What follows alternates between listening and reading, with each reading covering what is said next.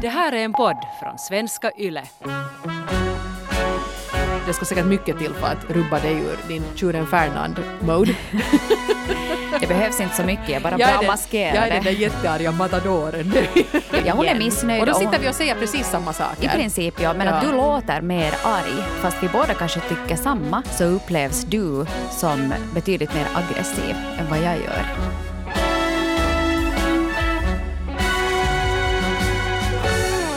Relationspodden Norrena och Frans här. Hej på dig som lyssnar. Jag heter Eva Frans och hon på andra sidan bordet heter... Hanna Norrena, Bra. hej. Man, det hörs inte att vi har jobbat med flödesradio i flera år. Vad var det jag hette nu igen? Lite trevande pauser. Är, är det jag nu? Okej, ja. Hanna, vet du vad? Här Nå. för några veckor sedan så då pratade vi om ett tema som du tyckte var lite obekvämt. Det var Ja. när vi pratade om pruttar och sånt. Ja. Idag är jag lite obekväm. ja, jag vet inte varför egentligen. Vi ska prata om konflikter idag och hur man egentligen hanterar konflikter. Ja. Och, och, och du upplever att det här är obekvämt. Varför det? Jag tycker att jag har haft ett lite så här ehm, laddat förhållande till det här med konflikter. Och att jag i grunden är ganska konflikträdd. Jag har liksom alltid försökt undvika konflikter så gott det går. Eh, kanske i synnerhet så där vet du bland vänner och på arbetsplatsen och så där. I en familj så är det ju klart att man liksom brakar ihop emellanåt och, och grälar lite. Och nu grälar vi lite hemma med mina föräldrar när jag var liten och så där också. Att det är inte på det sättet. Eh, men eh, sen är jag också, har jag ju ganska kort stubin. Och det här är kanske inte en helt klockren kombination att vara liksom temperamentsfull men konflikträdd. Så det är därför som jag är lite i sån här att jag vet inte riktigt var jag nu står. Men jag tycker här på jobbet i alla fall, jag menar vi umgås ju främst i arbetssammanhang, så, så du är ju inte rädd för att säga vad du tycker. Så att på det sättet upplever jag inte alls som konflikträdd. Att nog brukar du ju stiga upp och slå näven i... Nej, du stiger inte upp och slår näven i bordet men du nog säger till ordentligt på skarpen om du tycker att någonting är fel. Ja, Så är du, åtminstone du, kan du maskera den där konflikträdslan ganska effektivt i så fall. och där är också en sån grej att jag har kanske lättare att ta fighten för andra. Att om jag tycker att nu blev det här orättvist för, för Hanna så skulle jag kunna till och med faktiskt slå näven i bordet. Men... eh. För, ja. Men det känns på något sätt mindre jobbigt än det här då liksom hålla på och försvara sig själv. Så ja, det här blir nu kanske ett sådant avsnitt när jag ska försöka komma till någon sorts självinsikt. Men Hanna, hur agerar du i konflikter? Jag måste säga att speciellt nu när jag har blivit lite äldre så backar jag inte från konflikter om jag upplever att de är värda att ta. Förr då jag var yngre så vågade jag kanske inte ta dem. Jag var rädd att någon blir kanske arg på mig. Eller jag var kanske mest rädd egentligen för min egen reaktion i en konflikt. För att jag är ganska känslig. Och sen om jag blir upprörd så har jag lätt att eh, börja gråta. Eller att man blir, börjar darra på rösten och att man inte kan ha den där samma pondusen som man skulle önska. Att man kanske därför undviker en konflikt för att man inte ska framstå som svag. Mm. Jag tror att vi, alltså där tror jag vi, jag tror att vi skulle agera ganska olika i en konflikt, men det där tror jag vi har gemensamt. Att det jobbiga är inte där, för jag menar ger jag mig in i en konflikt så är det nog för att jag liksom faktiskt tycker att det är värt det. Jag tycker att jag har blivit med åren ganska bra på att välja mina strider. Att det som, som nu inte hela världen så kanske man låter passera då. Men just det där att, att jag blir rädd att kommer jag att börja gråta på ett jobbmöte, det, skulle, det tycker jag är hemskt jobbigt. Eller till exempel brusar jag upp så mycket så att jag säger någonting som blev onödigt fult. Alltså inte det där att man går till personangrepp och sådär men att man liksom på något sätt upplevs som för arg eller osaklig eller någonting sånt här. För då kan jag gå och rannsaka mig själv ganska mycket efteråt och fundera att vad sa vi nu exakt och vad allt borde jag be om ursäkt för. Ja. Så jag är kanske mera rädd för att det ska bli fel i den där konflikten än att liksom den där konflikten i sig. ja. Men här på jobbet också, jag menar inte brukar ju du och jag komma ihop oss så mycket vi heller. Liksom sinsemellan. Någon gång kanske vi har haft lite något sån här smått uh, käbbel. Jo, men jag tycker att vi har blivit ganska bra på det här med att ibland kan vi vara ganska olika åsikt, till exempel med den här podden helt när vi funderar på att hur, hur ska vi tackla det här temat nästa vecka. Men ganska bra brukar vi kunna argumentera oss fram till en lösning som båda sen tycker att nej, men det är ju så vi ska göra förstås. Ja, och sen är det istället vi mot chefen. Eller, hälsningar till chefen bara. Ja, men jag menar ibland kan det vara sådär att du kommer med en idé som du tycker är helt fantastisk och jag tycker att ja, funkar det där nu? Och så övertalar du mig en stund och så kanske jag kommer kontra med någonting och sen mitt i allt så landar vi i någonting som känns väldigt rätt. Mm. Men jag tror att någonting som både du och jag har gemensamt är det att vi har ju ganska lätt för att tala om saker överhuvudtaget. Att Ja, det är sant. Både du och jag är väldigt öppna Mm. och vi är inte heller, reds inte heller de flesta ämnen.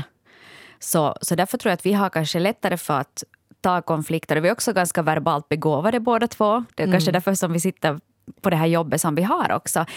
Och där kan det vara också att om man inte är speciellt verbalt begåvad eller man kanske är en sån person som behöver få tänka efter lite så kan jag tänka mig att både du och jag kan vara lite av sådana här verbala ångvältar över någon som inte tillräckligt kapabel att försvara sig. Så jag träffsjönk. Nu, Ja. så, så där är det hemma hos oss. Alltså, inte för att jag menar Jonas är absolut verbalt begåvad men han är absolut en sån som funderar först och känner efter och sen säger någonting. Så när vi börjar gräla någon gång hemma, händer nu inte superofta men det kanske blir ett tjafs. Och vi har blivit bättre på det här. Men i början var det väldigt ofta så här att jag gick just på som en ångvält och liksom sa allt mitt och blev arg på att han inte sa någonting och bredde på lite mera och blev kanske till och med lite osaklig där. Ja, du Tills- provocerar honom. Ja. Att, har inte du någonting att säga om det här nu då? Jag blev provocerad av att han var tyst, för jag förstod inte då ännu att det är så att han lyssnar och funderar. Och, och att han nog snart kommer att liksom säga sitt. Men då hade jag hunnit gå på så länge att han kanske faktiskt hade blivit riktigt ledsen. Och då kunde den där konflikten ta väldigt lång tid att reda ut. Att jag är mer den där som går in, säger vad jag tycker, skönt och den andra också säger vad den tycker, så reder vi ut det och sen kan vi vara bästa vänner fem minuter senare. Medan Jonas är liksom, han, han har alltid haft ett annat tillvägagångssätt. Att han funderar, han säger sitt och han kanske måste också få sitta och sura en stund. Jag har aldrig tid att sitta och sura. Nej. Jag rasar effektivt och så går jag vidare och är glad. Ja, men det, är, det, det är ju en personlighetsfråga det där också. För jag märker i min familj, jag och mina barn, vi är alla ganska explosiva. Men det, vi är också att det går över just som du sa på fem minuter. Ja. Och är man här, okej nå, nu lämnar vi det här och så börjar vi om. Ja. Och alla är helt fine med det. Men vi har också sen våra barn att jag märker att ena dottern är som jag. Det är så här, Ja. och så är det klart. Vad, vad blir det för middag? Ja. Och den andra är så här, man märker liksom att det stegrar och så blir det väldigt argt och sen är hon tyst och sitter i sitt rum och muttrar en ganska lång stund. Och det är ju också, det är ju inga rätt och fel, men det där är ju någonting som man kanske med de människor man, man lever tillsammans med måste ju lära att liksom kunna tyda varandras signaler och, och på något sätt gräla på ett konstruktivt sätt då när, när det känns att man måste gräla. Men det kanske vi kan återkomma till. Jag tycker att det, i förhållanden så brukar det ofta vara snack om det här med att, att man inte kan gräla eller att den andra inte grälar tillbaks. Och att, att man liksom inte har hittat ett sätt att gräla på på ett konstruktivt sätt. Och Nej. att det kan vara lite jobbigt. Jag kommer ihåg att jag eh, i tiderna grälade med, med fadern till mina barn så vi är båda också väldigt ver- verbala, även då vi grälar. Och då kunde man till, till och med liksom i stundens hetta då du är förbannad och så kommer då motparten med någonting som är riktigt vet du, snitsigt, genomtänkt och riktigt som ett perfekt njurslag på något vis. Vitsigt. Så kunde jag nästan Ja. så stanna upp och vara så att haha, touché, där fick Ja. du minsann till det. Jag ska Vet- just säga mitt, men jag måste skriva upp det där för det var så bra. Ja, men nästan vet du, att det blir nästan som en underhållningsform på något sjukt sätt. Och, och det tyckte jag var lite, lite speciellt och lite kul också. Speciellt så här i efterhand när man tänker på det. Ja, det vara som en riktigt så här välskriven sitcom när Ja, ni ja, ja. rackar ihop. Så var det, ja. Men eh, jag, jag tänkte ta upp ett färskt exempel på när man kan hamna i en konflikt så där helt oförhappande. Så det här var någonting som hände mig när jag skulle gå till posten här för, för några dagar sedan. Går någon till posten nu för Jag skulle tiden? hämta ett paket. Det är nog Ah, ja. många som går till. Det här är alltså en sån post som är i en mataffär. Så inte riktigt en riktig post och framförallt så sköts ju liksom posttjänsten av en väldigt stressad eh, snabbköpskassa som liksom ska sköta allt på en gång. Och jag skulle faktiskt hämta två paket så här i juletid så jag gick dit och fumlade nu på där visade ena sms och visade andra sms som jag hade fått sådana aviseringar att nu har de då kommit. Och så hämtade hon ett paket och så sa jag tack, tack och vad var det andra paketet? Så sa hon att men det gav jag redan till dig. Så sa jag att nej, jag har bara fått ett paket. Och hon sa att jag har gett åt dig två paket, jag är helt säker på det. Och så klev hon ut då ur sin lilla box och började titta att var hade jag ställt, var hade jag gömt det där ena paketet. Jag tror till saken hör här också att när man har munskydd på så är det lite svårt att avgöra att vem är skurk och vem är snäll småbarnsmamma från förorten. Så jag kanske såg lite ut som rånaren i Afrikas stjärna. Så hon tänkte att, att den här lurar mig nu, att jag har ju gett två paket. Hon var säker på att hon hade gett mig två paket. Jag var ju helt säker, jag hade ju bara ett paket. Och kön växte och folk vet, ungefär poppa popcorn och tyckte att nu blir det intressant det här. Och det där obehaget jag känner eftersom jag inte tycker om konflikter, för jag måste ju stå på mig. Jag kan ju inte säga att jo, du gav mig två paket och gå hem, för jag har ju betalat för alla de här grejerna. Jag blir ju utan en ganska dyr julklapp om, mm. jag, om jag backar nu. Och så sa hon att ja, det finns väl inget annat att göra nu än att jag går in i det här bakre rummet och tittar på övervakningskamerorna. Så säger jag att jag har gett dig två paket. Så tänkte jag att jag måste bara liksom hålla mig lugn och inte liksom börja gråta eller något. Så jag sa att, att det är nog säkert bäst att du gör det. Och det vansinniga är att i den här situationen så blir jag ju till och med osäker på mig själv. Att har jag fått någon sån här mental svacka här nu att jag faktiskt... Men nu märker du ju om du har ett paket eller inte, ja. ett paket eller två paket, om det nu inte var liksom eh, små diamantringar Men jag du hade beställt. började liksom känna sådär vet du i mina fickor, det var ett stort paket liksom, det var ju inte sådär vet du en, ett, ett brev som, som man kan lägga ner i väskan och glömma bort. Men nej, jag blev liksom själv också att har jag på något sätt nu ändå, är det ändå på något sätt jag som har fel här på något mystiskt vis? Nå så försvann hon ju in i det där bakre rummet och var borta länge och kön växte och det kom någon annan dit och försökte både sälja mjölk och dela ut paket där parallellt och där stod jag då och kände mig lite skamsen och så kom hon ju tillbaka och sa att jag ber hemskt mycket om ursäkt att jag gav ju dig bara ett paket. Att jag blandade ihop det med kunden som var före. Okej. Okay. Ja, och hon bad faktiskt om ursäkt och jag ännu kände mig så edel så jag sa att, att liksom full förståelse att det blir råddigt när ni liksom ska sköta så här hemskt många olika uppgifter samtidigt. Att det är inget fel och god jul och så gick jag hem. Men i alla fall, det där ändå obehaget av den där grejen att, att jag hade liksom fått en liten utskällning. Satt i mm. hela kvällen fast jag ju inte hade gjort något fel och också höll mig vänlig och saklig och på något sätt hanterade i mitt eget tycke helt snyggt. Men det där är ju ett tydligt tecken på uh, hur mycket en konflikt påverkar dig och ja. mig och alla andra. Att om till och med en sån här incident på posten som egentligen inte hade någon betydelse slutet, i slutändan så fick du dina paket och hon bad om ursäkt och, och ni var vänner och, och så gick ja. du hem. Och jag har ingenting att rannsaka för jag gjorde inget fel. Nä. Och jag blev inte osaklig och var sådär att om du jobbar i kundtjänstjobb så ska kunden alltid rätt. Och det är många som gör det också. och det gjorde inte jag utan jag, sa, jag var vänlig bara sa att jo, det är nog bäst att du tittar på de där kamerorna nu och, och så ser vi. Ja, men, men där, jag menar bara för att om, om du får så illa att vara av en sån typ av konflikt så säger det ganska mycket om hur mycket konflikterna verkligen påverkar vårt mående annars också. Jag ja. menar om man tittar på större konflikter som, som kanske händer i ditt privatliv där det är människor som du verkligen bryr dig om börjar, ha, börjar mopsa upp sig mot dig. Vi har fått in en massa intressanta svar. Vi ställde ju frågan till er att hur agerar ni i konflikter? Och jag skulle säga att det var ganska olika. Här är en del som tycker att det kan vara ganska fräscht med en ordentlig debatt eller att argumentera för sin sak. Andra som tycker att det är så otroligt obehagligt att slåss. Jag tror man kan liksom dela upp det också i de som debatterar med hjärnan och de som debatterar med hjärta. Vet du, mm. Är du en mm. känslomänniska eller är du mer rationell och tänker sakfråga? Eller att upplever du det som att det här är ett personligt påhopp.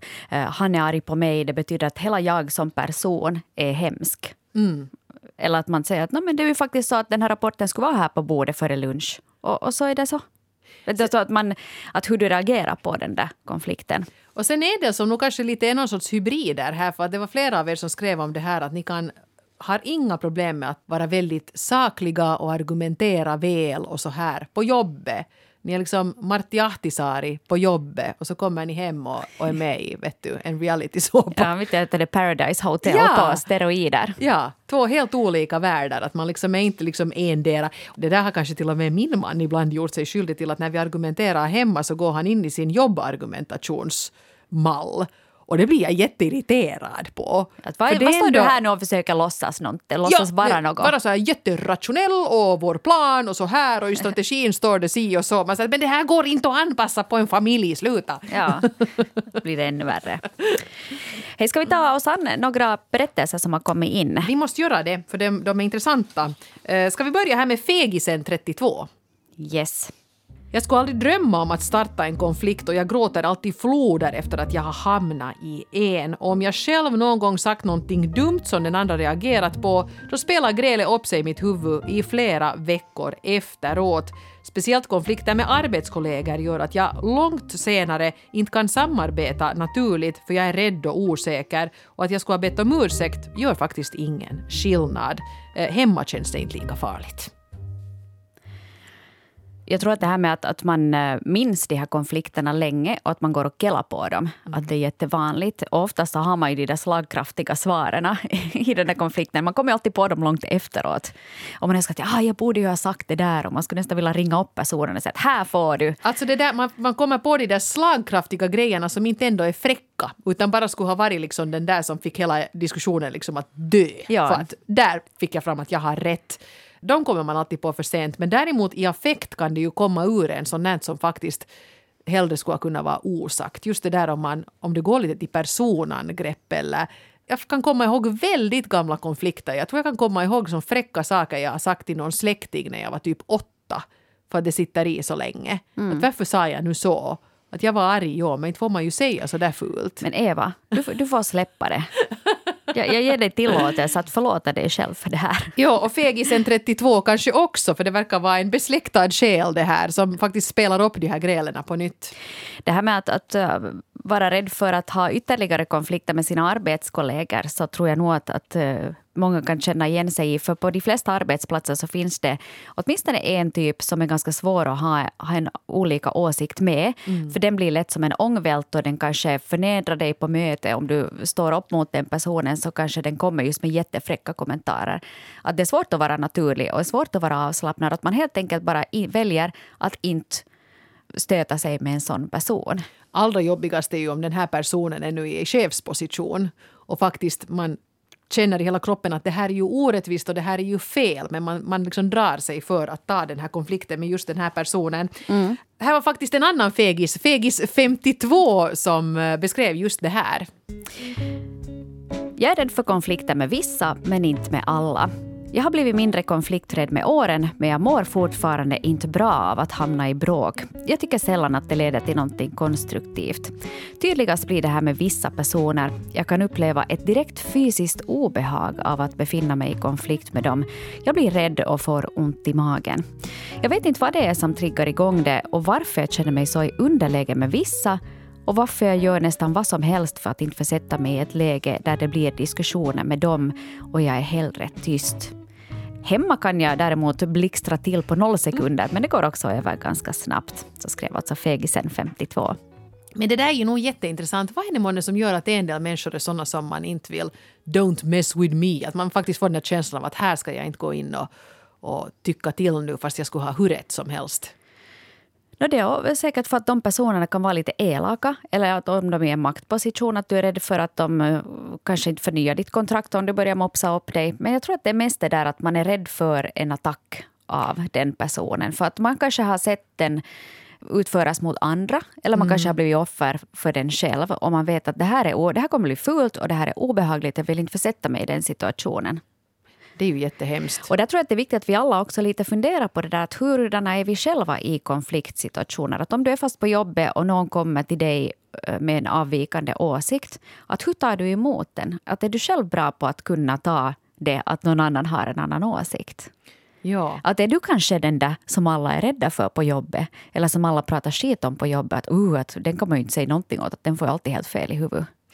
Sådana finns det ju nog också. Och, och jag menar, vi, vi, vi är ju aktiva nu i en bransch där, där det hör till att man ska kunna ta kritik och framförallt konstruktivt framförd kritik tycker jag att både du och jag är ganska duktiga på att ta. Att man mm. kan se det som ett förbättringsförslag.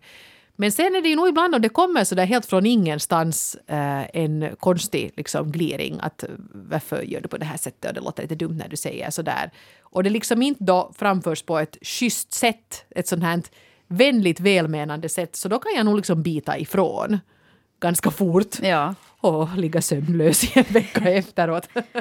ja. För det där är nog ändå ganska svårt. För man måste ju också, ibland agerar man ju någon sorts mentalt självförsvar också. Mm. Mm. Nej, men det gör man ju förstås. Men hur gör mm. du Hanna om du vet att nu kommer det att bli en konflikt? Till exempel du vet att nu måste du ta ett jobbigt snack med någon. Låt oss nu säga på jobbet. Mm. Förbereder du dig hur brukar du göra? När du tänker att det här är en fight som nu jag måste ta. No, för det första tror jag att det är bra att inte tänka på det som en fight.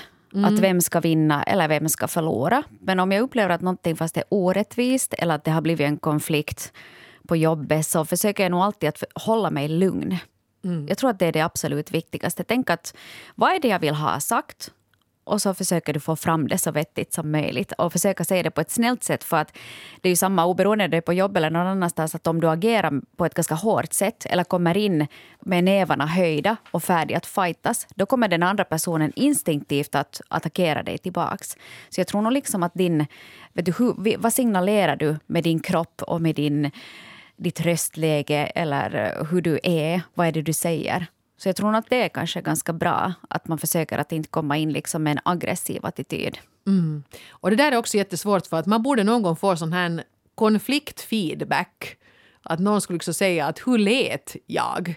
För att det var någon här, nu vet, var det kanske i Facebookgruppen som någon skrev om det här att, att, att hon ibland tycker själv att hon låter saklig men andra har tyckt att hon låter hemskt, hemskt arg. Mm. Att man uppfattar henne som mer aggressiv än, än vad hon själv har för avsikt att låta. Hon kanske inte ens är speciellt arg. Och det där har jag märkt lite ibland att eftersom jag nu är, no, du säger så fint, verbalt begåvad. Det kommer liksom en massa prat ur mig och jag liksom, no, du är ju lugn som en filbunke. Det, är ju liksom, det ska säkert mycket till för att rubba dig ur din tjuren Fernand-mode. Det behövs inte så mycket, jag bara jag bra maskerade. Jag är den där jättearga matadoren. ja men där kan det ju bli, alltså, jag tror det också, vet att vi har haft ja. till exempel våra jobbmöten, det är ju inte bara du och jag som gör den här podden utan det finns ju också producenter och ansvariga chefer och, och människor som har hjälpt oss alltid till och från. Men där upplevs ofta jag som den här fredsmäklaren medan du ofta får ta det att men Eva, du är det, hon är den där bråkiga. Hon var missnöjd ja, hon igen. är missnöjd. Och då sitter och hon, vi och säger precis samma saker. I princip ja, men ja. att du låter mer arg ja. då du talar så det vanligtvis. Eller att du kanske har en hårdare attityd ja. då du för fram din sak. Att fast vi båda kanske tycker samma så upplevs du som betydligt mer aggressiv än vad jag gör. Ja, jag vet inte, har jag, har jag vassare röst eller någonting? Eller sen kanske jag behöver inte så du tar den där fighten för du tar det, den åt mig. Det, det, jag kommer bara sitta där och mumsa på mitt wienerbröd och vet, titta på. Mm, ja, nu ja. sköter Eva den här fighten. Sen har jag härja och producenten härjar tillbaka så svävar du in, du sväljer wienerbrödet och säger nu tycker jag inte att vi ska bråka här. nu tar vi lite mera kaffe. Ja, nu ska vi vara vänner, flickor och flickor.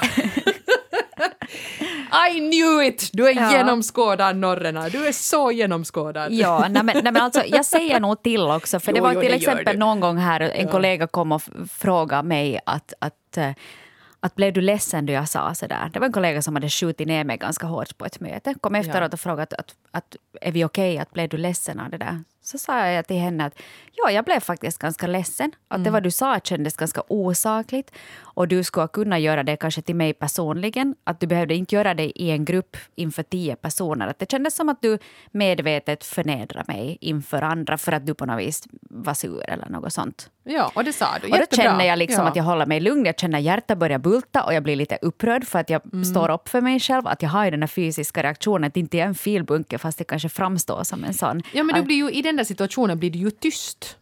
Ja, en stund säger, i alla fall. Ja. Sen kan du, det var ju bra att du fick tillfälle att säga det här efteråt, men just då när det liksom är på gång, så, ja, och där gör jag ju tvärtom. Jag säger inte att det på något sätt är bättre, men jag blir ju inte ledsen, jag blir förbannad. Ja och någon attackerar mig på ett möte så får den nog veta att den lever och sen får jag efteråt gå. Blev du ledsen för att du gjorde mig ledsen så att jag blev arg? Jag har nog gått ut någon gång från något möten också. Vet du, att, ja. att jag har märkt att jag börjar gråta. För jag är en väldigt sån gråtig person. Eller att man sitter och vet du, blinkar och, och tänker att tänk på något annat, tänk på något annat, ja. tänk på något annat. Och så märker man att det går inte så kanske man bara går därifrån. Mm. Men det har nu inte hänt på, på ett bra tag. Inte, men att jag vet den där känslan den är jätteobehaglig. För man känner sig så sårbar. För då du är ledsen och börjar gråta så då kan du inte riktigt försvara dig heller på ett kraftfullt sätt. Nej.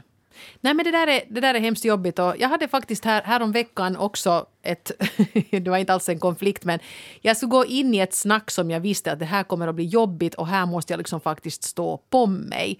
Det gäller alltså eh, en, en bok som jag har skrivit som nu ska förverkligas i ett annat format och då har man måste släppa in andra människor i den här processen som då ska försöka korva om det jag har skrivit i någonting som de tycker skulle fungera. Och det var en grej som vi var väldigt oöverens om och för det första var de två och jag var en och så var det ännu några andra som skulle lyssna på det här mötet. Och jag hade faktiskt förberett mig ganska bra för att kunna ha liksom mina argument väldigt klara för mig själv. Och det blev ett ganska bra snack sen i slutändan. Och jag satt då jag satt i garderoben, för det var då när, mm. när jag var förkyld och inte fick gå någonstans. Så det här... Eh, jag tyckte det gick hyfsat bra.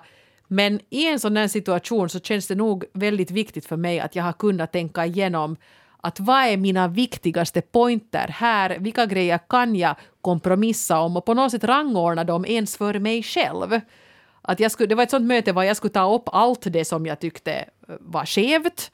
Men jag hade ändå på något sätt försökt liksom lista dem att om de inte vill släppa det där så då är det fine. Men det här är superviktigt för mig så här måste jag liksom argumentera mycket. Men det där är jättebra. Och, ja. och det där tror jag att är bra att ta med sig som ett tips. Alltså egentligen oberoende om det gäller ett jobbmöte eller kanske också hemma. Att om du märker att du och din partner har börjat mm. knöla in er i att ni alltid bråkar om vissa saker så kanske du inte kan eller ens behöver få rätt på alla punkter för ni är ändå två.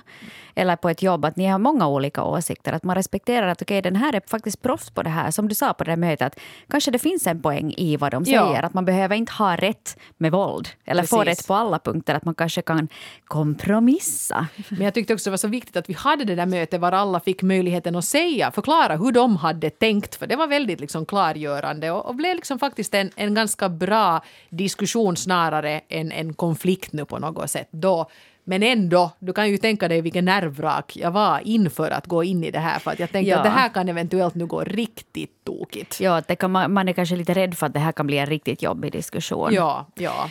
Vi skulle ännu kunna ta och, och nosa lite på det här med uh, hur man grälar uh, hemma. Och mm. kanske då främst med sin partner. För menar, alla härjar vi åt våra barn emellan. Det får de stå ut med. För de härjar åt oss också. Så jag tycker att det går liksom jämnt ut. Men då det kommer till uh, parförhållande så har vi här till exempel signaturen See the Good 39 som har skrivit i vuxen ålder så orkar jag inte tjafsa och bråka och säga till om allt möjligt men blir det någon gång gräl riktigt på riktigt så går jag nog sen länge och funderar på det och har svårt att gå vidare. Men jag är dock noga med att gräla rätt och att inte gå till personligheter och dra upp gammalt groll. Och jag tycker att jag klarar det här ganska bra. Mm. Och det här är nog en grundläggande regel, tror jag, då det kommer till eh, parförhållandets grälande ABC. Vet du, du blir ju arg på någonting. Ta en kliché. Du blir arg på att de där smulorna på matbordet alltid är där och du kommer hem från jobbet. De är kvar från frukosten. Och så blir du arg på det och så grälar ni om det. Men sen att ja, och sen kommer du ihåg, och aldrig gör du det här och aldrig gör du det här och aldrig gör du det här och förra året gjorde du det här och förra, förra året, din och mamma det, är eländig. Och ja, din, mamma, alltså, din mamma städade alltid upp smulorna efter dig när du var liten och du ja. är helt sjukt curlad och jag ja. tänker inte över det här nu. Uh. Liksom. Ja, så att, det är liksom att man håller sig till sak och sen ja. att man inte går på de här personlighet, till personliga angrepp för att det är också det att de som vi känner allra bäst och älskar mest, så vi vet ju också vad deras svaga punkter är. Mm. Att man inte går dit och sätter fingret mellan revbenen just där man vet att det finns den där ömma punkten. Men det där gäller ju nog på jobbet också. Alltså faktiskt inte gå till osakligheter.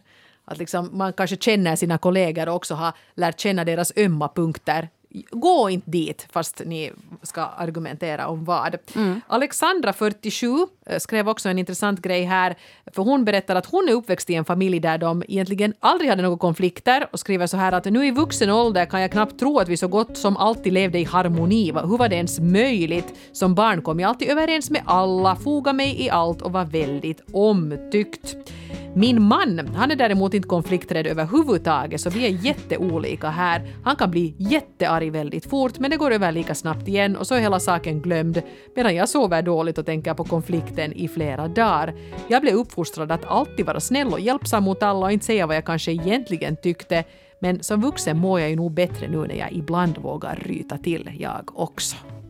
Mm. Det är som Jonas och jag men tvärtom det här. Ja. Jag är som den här mannen. Ja, och, och, kanske det kan vara också en sån här liten eh, flickig grej. Inte kanske mm. något mera lika mycket. Jag tror att nu för tiden så uppfostras flickorna också till att vara sina egna personer och våga stå upp för sig själv. Men för att du ska vara en duktig flicka och du ska inte vara till besvär och du ska inte ställa till med bråk och inte vet du, säga fult. Nej. Och att då du blivit uppfostrad till det här så då kanske det är svårt att lära sig sen att, att börja stå upp för sig själv och kanske ta konflikter också i vissa lägen. Precis. Jag tror att i en relation så om man ska hänga ihop länge så måste man... Ja, men det är klart att det ska vara bäst att aldrig slåss. Det är ju säkert idealet. Men det är ju inte realistiskt. Man måste ju få åtminstone gräla lite grann ibland. Men att man hittar sitt sätt att gräla i just den relationen. Eh, att man hittar ett sätt som känns konstruktivt. Att det här är på det plan vi brukar kunna mötas och kanske nå kompromisser och sånt här. Mm. Och jag, no, vad har vi nu varit ihop snart i 20 år? Vi är ju inte där ännu, utan det här tar ju tid. Men väldigt många konflikter så märker jag att vi har kunnat avstyra helt enkelt för att man, man vet att bästa sättet att vi reder ut det här är att vi gör nu så här. Mm. Jag tror att eh, om vi går tillbaka till Alexandra här, så att om hon har den här explosiva mannen som då är en sån här som reagerar snabbt och exploderar och så går det över. Och Alexandra igen är sån som blir och grunnar på det här och kanske flera nätter och ligger och vänder och vrider på vad som sades. Så där kanske det är bra att, att skulle ni kunna liksom lära er nya sätt att gräla på. Mm. Att kan din man eller den explosiva i förhållande kanske lära sig att okej, okay, nu är jag arg, men då kanske jag går ut istället i de här fem minuterna. Att man inte heller liksom använder den där andra som en slasktratt för ens ilska mm. som kommer och går, kanske ganska ofta till och med. Och man vet att ens partner är en sån som lätt tar åt sig och blir och funderar på det länge. Precis. Så ja. att, att man har lite en sån här grälöverenskommelse också där hemma. Ja, Det är jättebra. Fast man inte skulle gå i parterapi eller, eller någonting heller så det skulle egentligen kunna vara ett ganska bra snack. Här har ni en hemläxa, alla ni som lever i parförhållanden. Under julhelgen i något skede, gå en promenad och analysera ert sätt att gräla då när ni inte alls är sura på varandra. Så, så prata lite om det här med att hur brukar du reagera när du blir arg på mig och, och vice versa. För att det kan vara helt bra att liksom snacka igenom konceptet. Ja, och där får man fram det också. Att vet du, då du, då du ja. blir jättearg, att jag blir nästan rädd för dig och jag vågar inte säga emot. Och sen så blir jag jätteilla berörd. Så, så det där med, med en litet grälsnack då man inte är stridande, så det tror jag att det är jättebra. Här tyckte jag ändå var en, en bra kommentar som kom via Facebookgruppen. Eh, Det är Jasmine som skriver att hon är inte rädd för konflikter och omfamnar dem gärna faktiskt eftersom hon alltid upplever att hon och motparten förstår varandra bättre när de har fått argumentera lite. Eh, och så skriver hon så här. Jag har sett vad det kan leda till om man alltid undviker strider. När man umgås med människor som aldrig har fått ett nej eller fått motargument, då blir jag riktigt irriterad. För slutresultatet blir ju som på dagisnivå. Okej, då är vi inte kompisar eller släkt längre. Och det tycker jag ju inte är ett sunt sätt att leva sitt liv. Och jag tycker det här är en, kanske en bra poäng att ta fram här till sist. Inte det är ju så att vi vill sitta här och uppmana folk att gräla och, och slåss och ta konflikter. Men ibland är det bara oundvikligt och kanske till och med nyttigt att göra det. Mm. På ett sätt som, inte, som ju förstås aldrig får bli hotfullt eller våldsamt. Det är inte det vi snackar om här. Men i alla fall, ibland måste den där konflikten bara få komma. Men vad ska jag landa nu här då? Jag, jag hoppades bli lite klokare, men inte vet jag om jag blev så mycket klokare. Kanske jag ska fortsätta som jag gör, men, men inte försöka fundera om det på mina konflikter om nätterna. Jag ska, jag ska säga en sak. Tänk på hur du framställer din sak. Mm. Tänk på ditt tonfall, tänk på ditt ansiktsuttryck. Kommer du in med en bra filis eller kommer du in liksom redo att fightas i boxningsringen? Att man tänker lite på hur man tar fram det. Det tror jag att kanske du skulle kunna jobba på då i det fallet. Mm. Och kanske jag får jobba lite på det här att jag inte bara glider med där på en vet du, räkmacka efter dig då du går först in i, i stridens hetta så kommer jag efter och säger att Eva styr upp det här. jag väntar bara tills det lugnar ner sig och sen så har vi fixat det här. Jag är sådär väldigt... Jag far in och härjar och så kommer du och lite sopar efter. Jag, jag, är, jag är Martti Ahtisaari sen som kommer in och tar ett wienerbröd till och säger att hej, kan inte vi alla bara vara vänner? Och så alla säger att det är nog så skönt med Hanna, det blir alltid bättre filisen när hon styr upp jag, jag är din lilla marionett, jag inser ju det nu. Ja. Men hörni, tusen tack! Vi kan ju fortsätta att härja i Facebookgruppen. Det var roligt i den här veckan när det faktiskt blev en diskussion kring mm. det här. Och vi är alla olika, men det kan ju kanske vara bra att försöka liksom åtminstone själv komma underfund med en hurdan konfliktperson man är.